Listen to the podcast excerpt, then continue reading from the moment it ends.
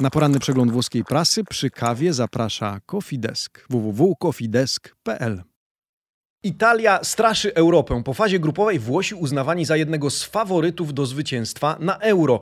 Polska gra dzisiaj swój mecz o wszystko, tymczasem Cristiano Ronaldo mierzy się z Mbappé, a w prasie klubowej Hakan Calhanoglu w Interze, Gianluigi Buffon w Parmie, czyli pierwszy dzień w nowym biurze. Marcin Nowomiejski, poranny przegląd włoskiej prasy sportowej. Zaczynamy.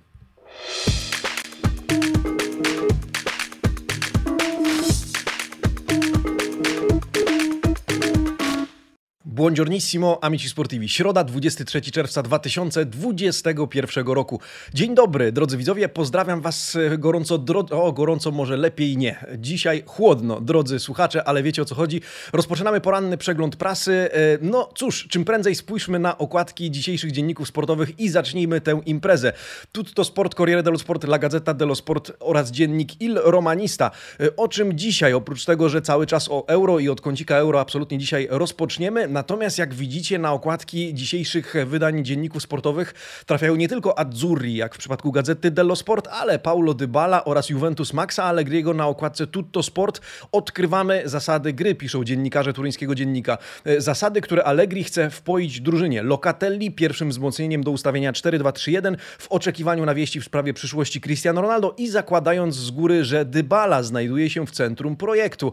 To temat główny dzisiejszego wydania Tutto Sport. Corriere dello Sport Sport, Ronaldo i podchody próby PSG.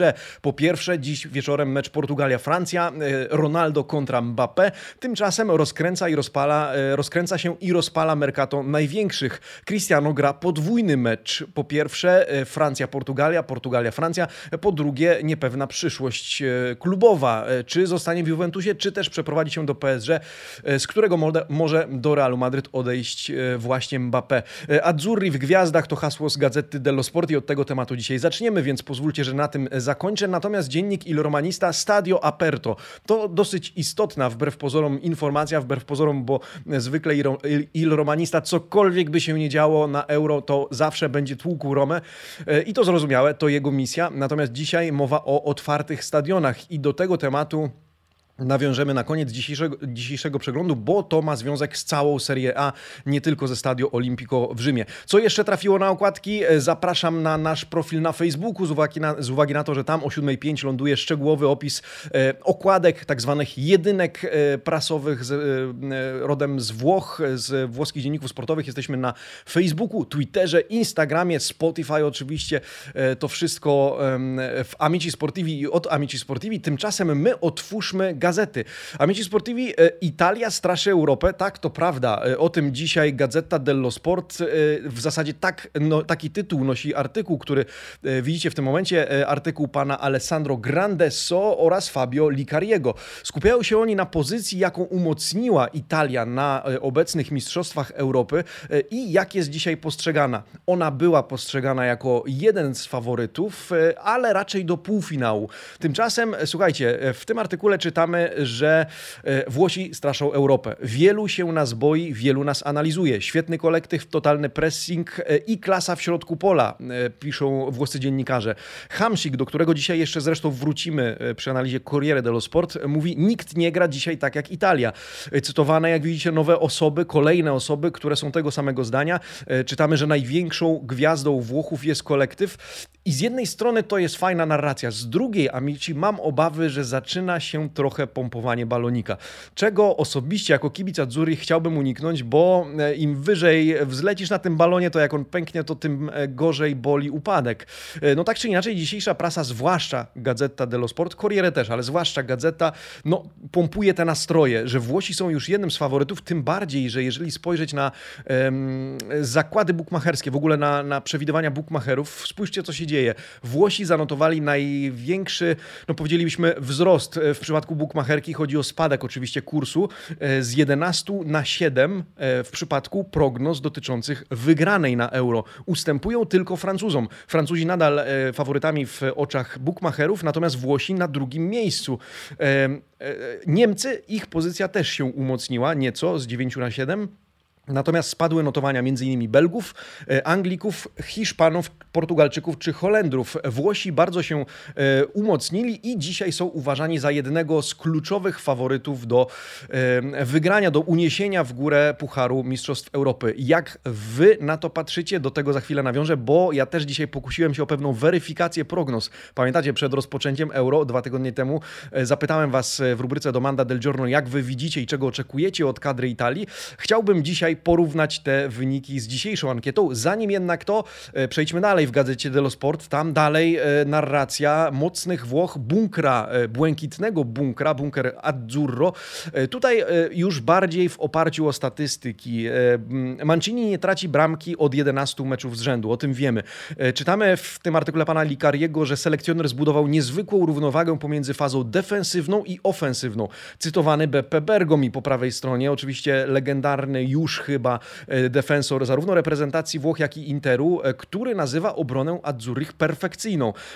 Powiedział tak, Bonucci zawsze obecny, Chiellini najlepszy, Bastoni prototypem przyszłego obrońcy, jest kimś w połowie drogi między e, Bonuccim a e, Chiellinim. Z kolei Florencji jest nie tylko obrońcą, ale i rozwiązaniem w ofensywie. Toloi Di Lorenzo oferują więcej w defensywie. Mancini ma dzisiaj do dyspozycji wiele, wiele rozwiązań. To jeśli chodzi o defensywę, ale jest jeszcze Gigio Donnarumma. Tutaj ciekawa statystyka, z uwagi na to, że jeżeli Gigio Donnarumma zaliczy mecz z Austrią, z E, Włosi nazwaliby to porta inviolata, czyli e, nienaruszona e, bramka, czyste konto w, po polsku, to pobiją Włosi rekord absolutny w swojej historii. Zwróćcie uwagę, o ile rekordu, do rekordu brakuje trochę samemu Donnarumie, do rekordu indywidualnego, który teraz dzierży cof 1143 minuty bez puszczonej bramki, to Włosi jako reprezentacja, bo pamiętamy epizod Sirigu jeszcze na, na tych mistrzostwach, Włosi mają dzisiaj już 1055 minut bez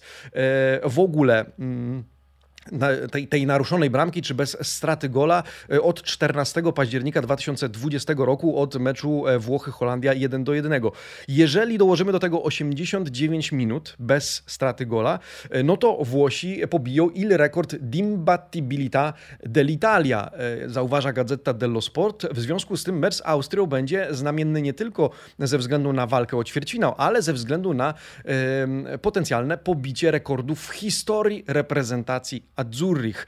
Samemu Donnarumie brakuje jeszcze dwóch meczów z kawałkiem, z czystym kątem, żeby pobił rekord Dino Coffa, to nie będzie łatwe. Już Austriacy nie będą łatwym przeciwnikiem. Wraca Arnautowicz, wiemy, że Austria rozkręca się ostatnimi e, dniami, no ale zobaczymy. To jednak nie koniec statystyk. Corriere dello Sport dokłada do tego, do tej całej narracji, e, pochwały dla duetu Spinazzola i Di Lorenzo, czyli boczni obrońcy, e, ale nie ze względu na defensywę, czy ze względu na ofensywę i velocisti, ci, którzy są bardzo E, okazuje się, że Leonardo Spinazzola jest najszybszym obrońcą i w ogóle najszybszym zawodnikiem do tej pory tych mistrzostw. 30, 33,8 km na godzinę. Tak szybko, tak szybko, taki szybki bieg e, zaliczył Spinazzola. E, jest na pierwszym miejscu. Na 13 z kolei jest Di Lorenzo, 32,6. No i cóż, żadna z 24 kadr reprezentacji nie ma tak szybkiego duetu bocznych obrońców. Powiedzielibyśmy być może może nawet wahadłowych.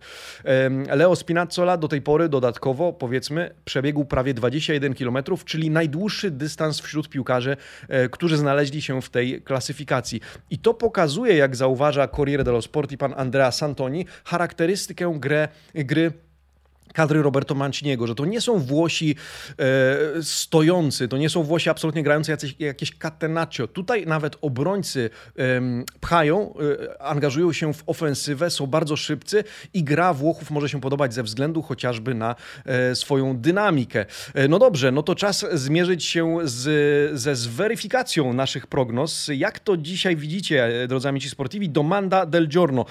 Znając wynik fazy grupowej, czego oczekujesz po reprezentacji Włoch na tegorocznym Euro. Zanim euro się zaczęło, zanotowałem wyniki. E, wyjścia grupy spodziewało się 6% e, z Was. Ćwierćfinału 15%, półfinału 48% i to był najwyższy wynik. E, finał i wygrana lub wygrana 32% zagłosowało wtedy za, tę za tą opcją. Dzisiaj prawie 200 głosów już oddanych.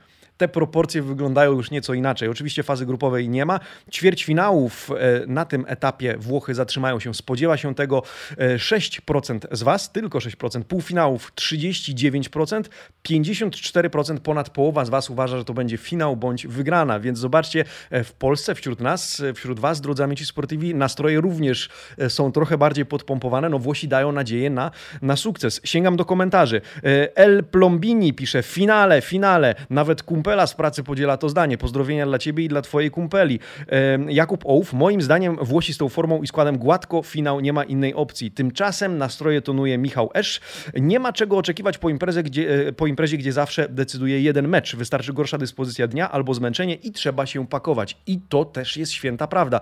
Dlatego trochę to pompowanie mm, balonika przez włoską prasę jest ryzykowne. Ale ja, słuchajcie, dzisiaj rano przed samą nagrywką pomyślałem, że zorganizuję e, spontaniczny konkurs Amici Sportivi. Dzisiaj i jutro będzie on trwał, jutro wam o nim przypomnę, a w poniedziałek go rozstrzygniemy.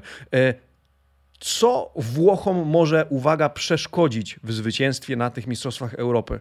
Więc balonik balonikiem, ale jeżeli coś miałoby im przeszkodzić i gdzieś mieliby się potknąć, to co bądź kto, waszym zdaniem, mogłoby być tą, tą pułapką, w którą Włosi wpadną? Jakie nagrody? Słuchajcie, Cofidesk.pl, no to cofidesk.pl. Kawa Arcafe e, Roma mm, e, do, e, powędruje do zwycięzcy, ale żeby było w czym pić, dorzucę do tego spontanicznie kubek Radia 357, jednego z naszych partnerów, u którego gościmy każdej niedzieli. W związku z tym taki komplecik, taki zestawik od cofidesk.pl mm, Arcafe.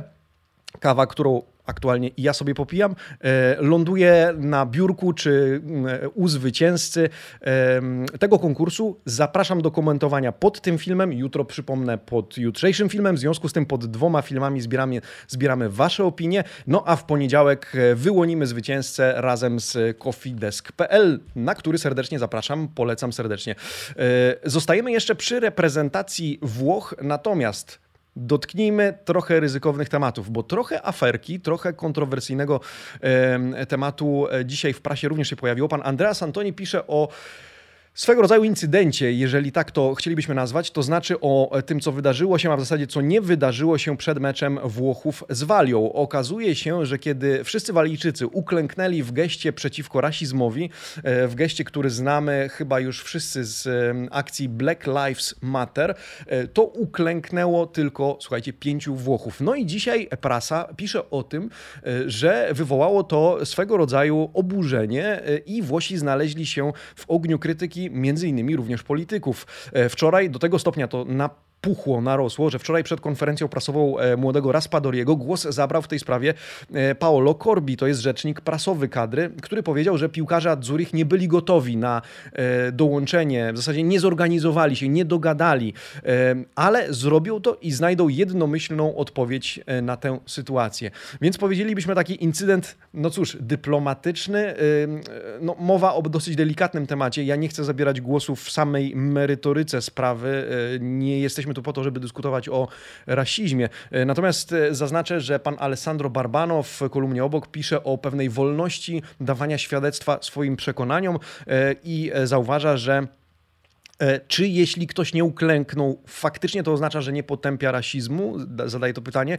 No i trwa we włoskiej prasie debata na ten temat. C'è una brutta aria torno ai diritti wokół praw ludzkich, człowieczych i dyskusji o nich panuje paskudna atmosfera, piszą dzisiaj Włosi. No ale daje znać, że coś takiego e, jest dzisiaj, rozlało się trochę we, włoskiej prasie. E, no a rzecznik prasowy kadry zapowiada reakcję piłkarzy, e, jak rozumiem, w kierunku tej antyrasistowskiej mm, akcji, czy w akcji popierającej zwalczanie rasizmu. Ale to nie jedyna aferka, która dzisiaj, którą dzisiaj znajdziecie na łamach włoskiej prasy.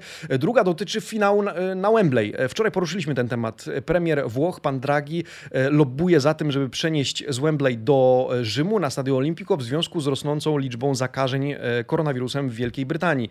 No i dzisiaj, słuchajcie, oprócz tego, że do Gazety dello Sport, to w ogóle na rozkładówkę Corriere trafia artykuł, że mówiący o tym, że UEFA się nie poddaje, że finał ma być na Wembley. Zresztą wczoraj doszło do porozumienia na linii Ceferin Johnson, czyli e, szef UEFA i, e, i premier Wielkiej Brytanii, e, w temacie wypełnienia Wembley na poziomie 75%, to ponad 60 tysięcy ludzi. No ale z drugiej strony premiera Włoch poparła kanclerz Angela Merkel, która powiedziała również, że w kraju, w którym tak dynamicznie rośnie liczba zakażonych, nie powinien być rozgrywany finał Mistrzostw Europy.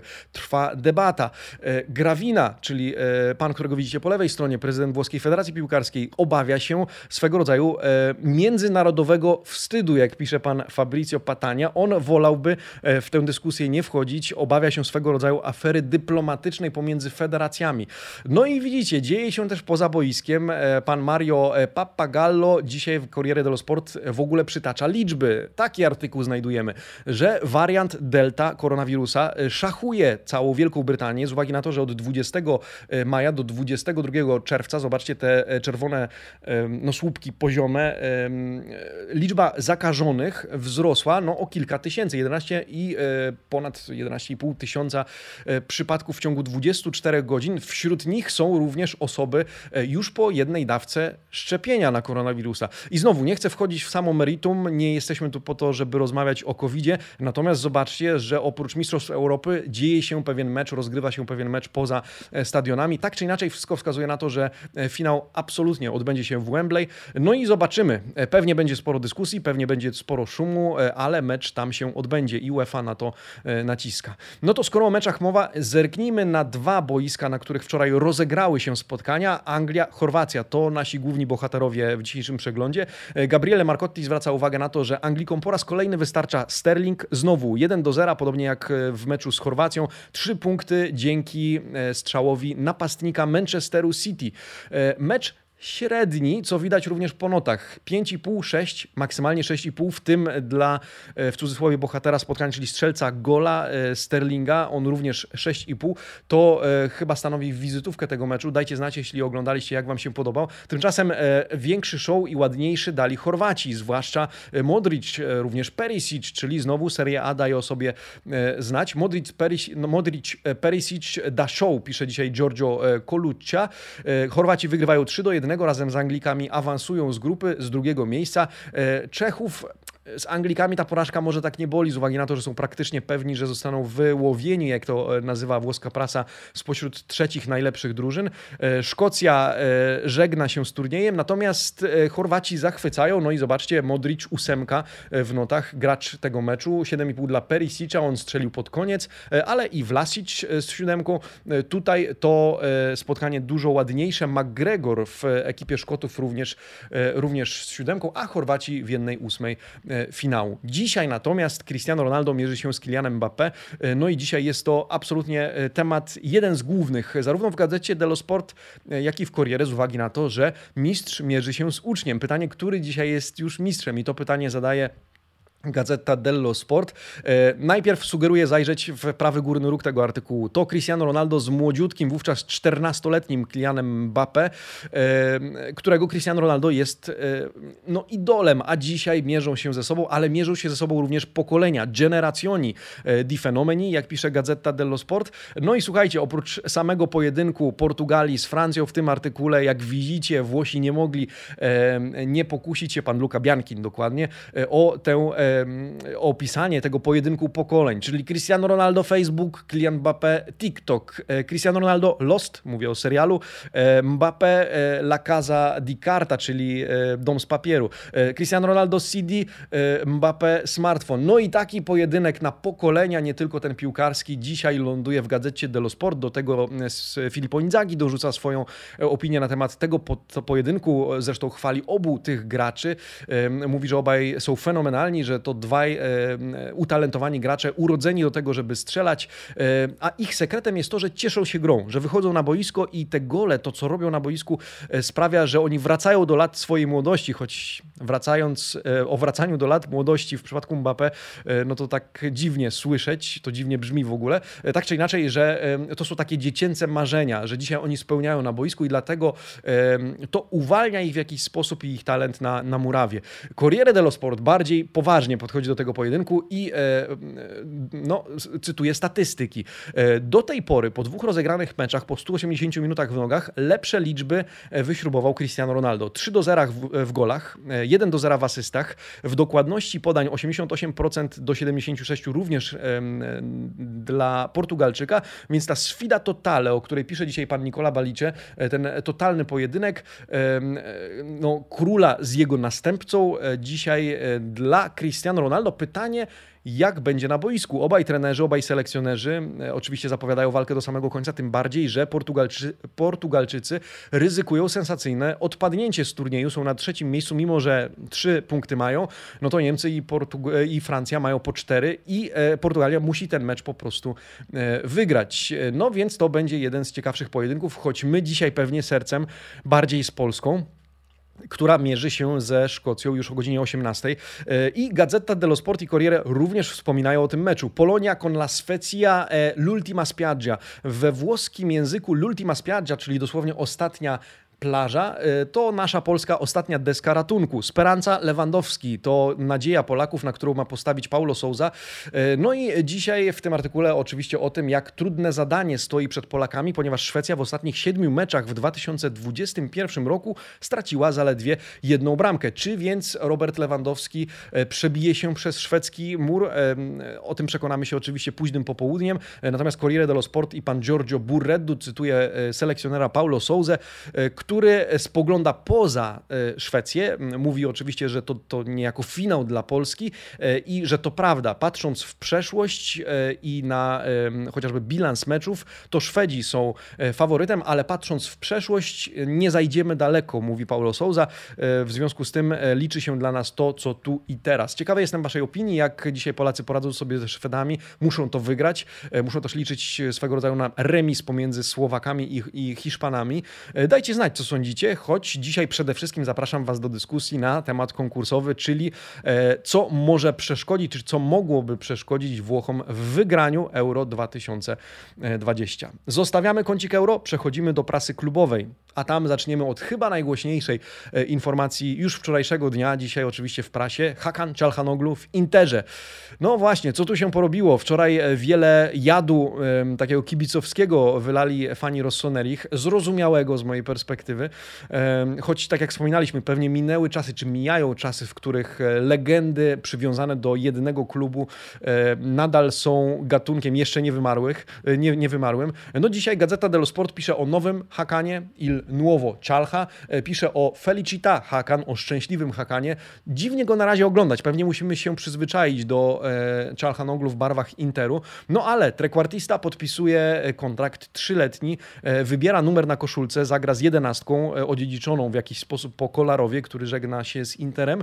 E, no i pisze I am Czalhanoglu, I am Inter. E, mówi Inter, wygrajmy Scudetto, mamy przed sobą znakomite cele. No i wczoraj w social mediach, zwłaszcza na Instagramie, rozpętała się burza Oczywiście, e, którą podsysali e, tifozi Rossonerich e, z uwagi na to, że nie minęło wiele czasu od pożegnania z Milanem, grazie di tutto Milan, to ten post po lewej stronie, do przemalowywania barw na czarno-niebiesko. Hakan Czalhanoglu na zdjęciu z puszką farby niebieskiej przemalowuje czerwień na, na błękit. No i cóż, maluje nie tylko siebie, ale maluje cały Mediolan. Taka, taka narracja pronto per di Dipingere il futuro, gotowy na przemalowanie przyszłości. Sam Hakan Czalhanoglu, e, Czalhanoglu przyznaje, że rozmawiał już z Simone Inzagim, e, powiedział, e, że zna jego 3-5-2, zna jego 3-4-1-2 Inzagiego. Oczywiście gazeta pisze, że w zależności od ustawienia on będzie albo mezzalą, albo trekwartistą i wkrótce dowiemy się więcej. No ale rozmawiał z Inzagim, powiedział mi wiele bardzo miłych słów, mówi Czalhanoglu. No i chcę coś wygrać we Włoszech. Dołączam do Interu w najlepszym możliwym momencie. Mojej rodzinie jest w Mediolanie bardzo dobrze. Mamy tu też wielu przyjaciół. W związku z tym wierzę, że powalczymy o Scudetto, mówi Turek. E, podpisuje trzyletni kontrakt, e, na mocy którego będzie zarabiał, zarobi 4,5 miliona euro netto w pierwszym roku, po 5 milionów w drugim i trzecim, bez premii indywidualnych, ale oczywiście będą mu przysługiwały e, premie drużynowe. Co jeszcze? Rozpocznie pracę z zespołem 12 lipca. Tyle myślę najważniejszego z tego artykułu, tyle o Interze. Zajrzyjmy, co tam w Milanie. No Milan po stracie Gigiego Donnarumy oraz Hakana Czalhanoglu nie może na pewno trudno pozwolić sobie na stratę Franka Kessiego i o nim dzisiaj pan Antonio Vitiello w Corriere dello Sport. Kessi, kontrakt Kessiego kończy się w czerwcu przyszłego roku. Milan chce go oczywiście zatrzymać, tyle że Kessi póki co oczekuje pensji w wysokości 6 milionów euro netto rocznie, teraz zarabia 2,2. Ostatnia propozycja Milanu to 3,5 miliona i z jednej strony Milan wierzy, że uda się dojść do porozumienia mm, z uwagi na to, że oszczędza e, na e, odejściu Donnarumy i No ale z drugiej strony jest jeszcze margines e, polegający na ustępstwach ze strony zawodnika, na które liczą Maldini i Massara. Mają nadzieję, że Kessi zejdzie trochę z ceny i że obie, obie strony zakontraktują się na kolejne lata. W tym artykule również notka ciekawa o tym, że w oczekiwaniu na odblokowanie niejako negocjacji z Brescią w sprawie Sandro Tonalego, który wrócił oficjalnie do Bresci, przypomnijmy, Milan przygląda się z powrotem opcji pod tytułem Bakayoko, czyli E, ex-milanista, ex-Napoli. E, Bakayoko, który wrócił do, Chelsea, może dołączyć z powrotem do e, Milanu. Rzecz w tym, bo chodzi oczywiście o zastępcę Kessiego i Benassera, rzecz w tym, że nie wiadomo jeszcze w jak, oparciu o jaką formułę. Prawdopodobnie wypożyczenie, natomiast Milan musi jeszcze nad tym popracować, ale rzeczywiście zarówno w gazecie dello Sport, jak i Corriere dello Sport pada dzisiaj nazwisko Bakayoko. Mm, co w Juventusie? W Juventusie Locatelli. Rzecz w tym, że dzisiaj trochę więcej konkretów bo dojdzie do spotkania na linii Cherubini Carnevali w Mediolanie, dzisiaj umówione. No i każde e, medium włoskie, e, każdy dziennik e, i dziennikarz z Agrestim Fabrizio Romano oraz Di Marzio włącznie są zgodni co do tego, że do tego spotkania dochodzi, że Locatelli jest priorytetem Juventusu i że chodzi o 30 milionów euro plus Radu Dragusin. To dzisiaj powtarzana narracja w gazecie dello Sport. Oprócz tego dywagacje dotyczące gdzie i w jakiej roli mógłby zagrać w drużynie Allegriego, e, że będzie przydatny przed linią obrony, e, zarówno w dwu, jak i trzyosobowej formacji pomocy, bez względu na to, czy to będzie 4-2-3-1, czy 4-3-1-2, bo to dwie najczęściej wymieniane formacje. No i że Juventus zaproponuje mu e, cztero bądź pięcioletni kontrakt, pensję w wysokości 3 miliony euro netto plus bonusy. No ale najpierw należy przekonać Sassuolo, które chce przekroczyć tę magiczną już chyba barierę 40 milionów euro. No to zobaczymy. Tifozi Juventusu W tym pewnie nie ukrywam, że ja trzymają kciuki za Kerubiniego. Niech to będzie jego pierwszy solidny transfer, bo to byłby transfer al max, jak pisze dzisiaj wydanie e, Tutto Sport. No, wczoraj pierwszy dzień w biurze, e, oprócz Hakana Czalhanoglu w Interze, spędził Gianluigi Buffon w Parmie. W związku z tym wspomnijmy i o tym. E, pierwszy dzień na stadio Tardini. Tysiąc widzów witało Gianluigiego Buffona niejako powracającego do, do Parmy. Buffon powiedział, jestem tu ze względu na dumę i pasję. Rozmawiałem z prezydentem Krause i wiem, że ma poważny, ambitny, istotny plan na Parmę e, i wierzę, że to była e, właściwa decyzja. E, Buffon, Parma, La Scelta, Giusta, pisze dzisiaj pan Paolo Grossi. Warto pewnie wspomnieć, z uwagi na to, że Buffon oczywiście wypowiedział się w nieco bardziej rozległy, obszerny sposób. Buffon przyznał, że to nie było tak, że poszedł jak w ogień za Parmą, że on miał wątpliwości i kiedy prezydent Parmy po raz pierwszy po meczu Juventusu, Juventusu z Parmą zaproponował mu coś takiego, zapytał, czy przeszedłby do Parmy. On powiedział, że nie wiedział, e, powiedział, że nie wie, jakby sobie poradził w Serii B z powrotem, ale później, mówi, wrócił do domu, zaczął się nad tym zastanawiać, e, wrócił mu dobry humor, e, ponieważ dla niego, jak mówi Buffon, i to przyznawał niejednokrotnie, w tym, co robi, liczą się emocje. I te emocje, koniec końców, przeważyły o decyzji. Miał kilka innych interesujących na ofert na stole, jak sam przyznaje, ale Parma i ten plan, który, w który uwierzył, w który przedstawił mu prezydent Krause, mm, sprawił, że e, koniec końców e, postanowił e, podjąć wyzwanie i powalczyć w przyszłym sezonie w Serie B. W związku z tym pewnie będziemy się przyglądać, bo mamy Monce, której ja się też przyglądam, jak wiecie, no i mamy Buffona w Parmie. Parma zapowiada rychły powrót do Serie A, no to będziemy przyglądać się, na ile ten plan z Buffonem w bramce się sprawdza. Zajrzymy na chwilę do ogrodu czy ogródka Napoli. Tam w Corriere dello Sport cytowane, o nim już wspomnieliśmy, więc wróćmy do niego, Marek Hamsik. Marek Marek Hamsik, który przyznaje, że bardzo tęskni za Neapolem, udzielił wywiadu e, hiszpańskiej redakcji ASA e, i w tymże wywiadzie oprócz tego, że przyznał, że właśnie za Neapolem tęskni, że e, dawno już tam nie był i chciałby wrócić, spotkać się z przyjaciółmi, to wypowiedział się, jak widzicie, na temat Fabiana Ruiza. Ruiza, który jest łączony z Atletico Madryt, z Hiszpanią, ale interesuje się nim też Barcelona i Paris Saint-Germain. Natomiast Marek Hamsik powiedział oprócz tego, że Fabian Ruiz to zdecydowanie genialny zawodnik, bardzo jakościowy, wybrał Napoli, Napoli niegdyś i zrobił dobrze, zrobił duże postępy i Hamsik wierzy, że Hiszpan poradziłby sobie w każdym klubie spokojnie, to ma nadzieję, że zostanie w Napoli i że dokona tam jeszcze wielkich rzeczy. Oprócz tego wypowiedział się o, o Włochach, e, o reprezentacji Włoch, że są bardzo mocni, że grają jak nikt na tym turnieju. No i z, z Insigne dziesiątka jako numer jest w dobrych e, rękach. E, o tym w wywiadzie cytowanym dzisiaj przez Corriere dello Sport Marek Hamsik, który zresztą dzisiaj zmierzy się z Hiszpanami, dlatego ten wywiad w takich okolicznościach i w takim kontekście został osadzony. No dobrze, Wspomnijmy o trenerach w Serie A. E, zajrzyjmy najpierw do Fiorentiny. Tam praktycznie na pewno do e, ekipy Violi dołącza Vincenzo Italiano. Fiorentina gotowa na ogłoszenie z uwagi na, z uwagi na to, że zdecydowała się zapłacić specji klauzulę w wysokości około 1 miliona euro, e, uwalniającą Italiano mm, z tego klubu. No i wówczas Italiano podpisze kontrakt z zespołem z Florencji i dojdzie do, będziemy świadkami oficjalnego komunikatu. Oprócz tego do specji ma dołączyć prawdopodobnie prawdopodobnie po raz kolejny wymieniany Claudio Ranieri. E, no i w zasadzie to najważniejsze, co e, warto przytoczyć z tego artykułu pana Luki. E, natomiast idąc dalej, w gazecie dello Sport dowiadujemy się o Sampdori i Marco Giampaolo. Dzisiaj spotkanie pomiędzy panem Ferrero, prezydentem Sampdori oraz byłym trenerem Torino, ale również Sampy 2016-2019. Wówczas to Giampaolo prowadził Sampdorię i może do niej wrócić. Choć situazione è fluida, jak czytamy w drugim akapicie, czyli sytuacja jest płynna, E, to zarówno Ferrero jest otwarty na tę opcję, jak i Giampaolo. Obaj jednak chcą siebie jednak wyczuć i zrozumieć.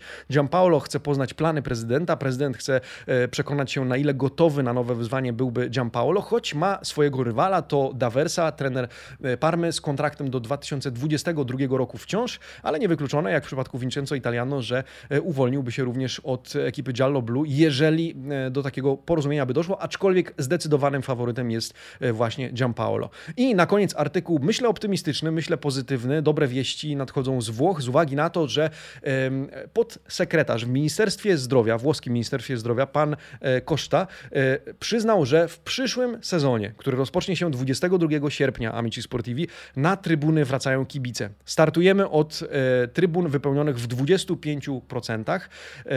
Po Mistrzostwach Europy zostanie złożony oficjalny wniosek do rządu do zatwierdzenia w tej sprawie plan zakłada stopniowe zwiększanie tego limitu do 35, może nawet 40%. E, Co to oznacza dla poszczególnych klubów? No oczywiście kibiców na trybunach to, to, to, to oczywista oczywistość, powiedzielibyśmy, e, ale jeżeli by e, troszkę liczb rzucić tutaj na tapet, to na San Siro pojawiłoby się dzięki temu prawie 19 tysięcy widzów. Na Stadio Olimpico w Rzymie 17,5 tysiąca, w Neapolu zawitałoby na stadionie 13,5 tysiąca widzów, no i Juventus mógłby liczyć na publiczność E, w liczbie 10,5 tysiąca. E, w związku z tym E, to dobre wieści i na to czekamy. Z rzeczy czysto organizacyjnych mówiliśmy 22 sierpnia to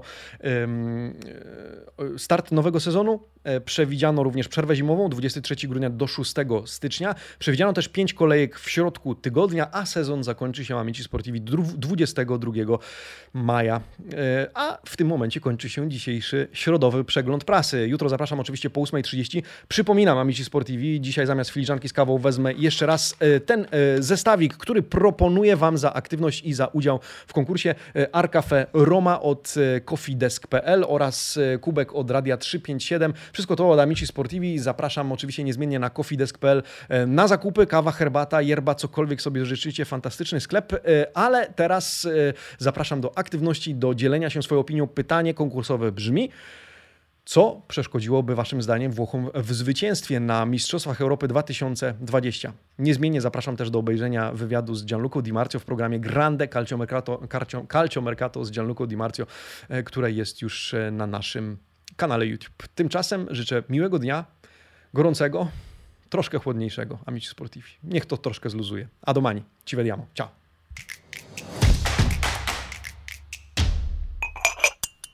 Dobrej energii na resztę dnia życzy Coffee Desk www.coffeedesk.pl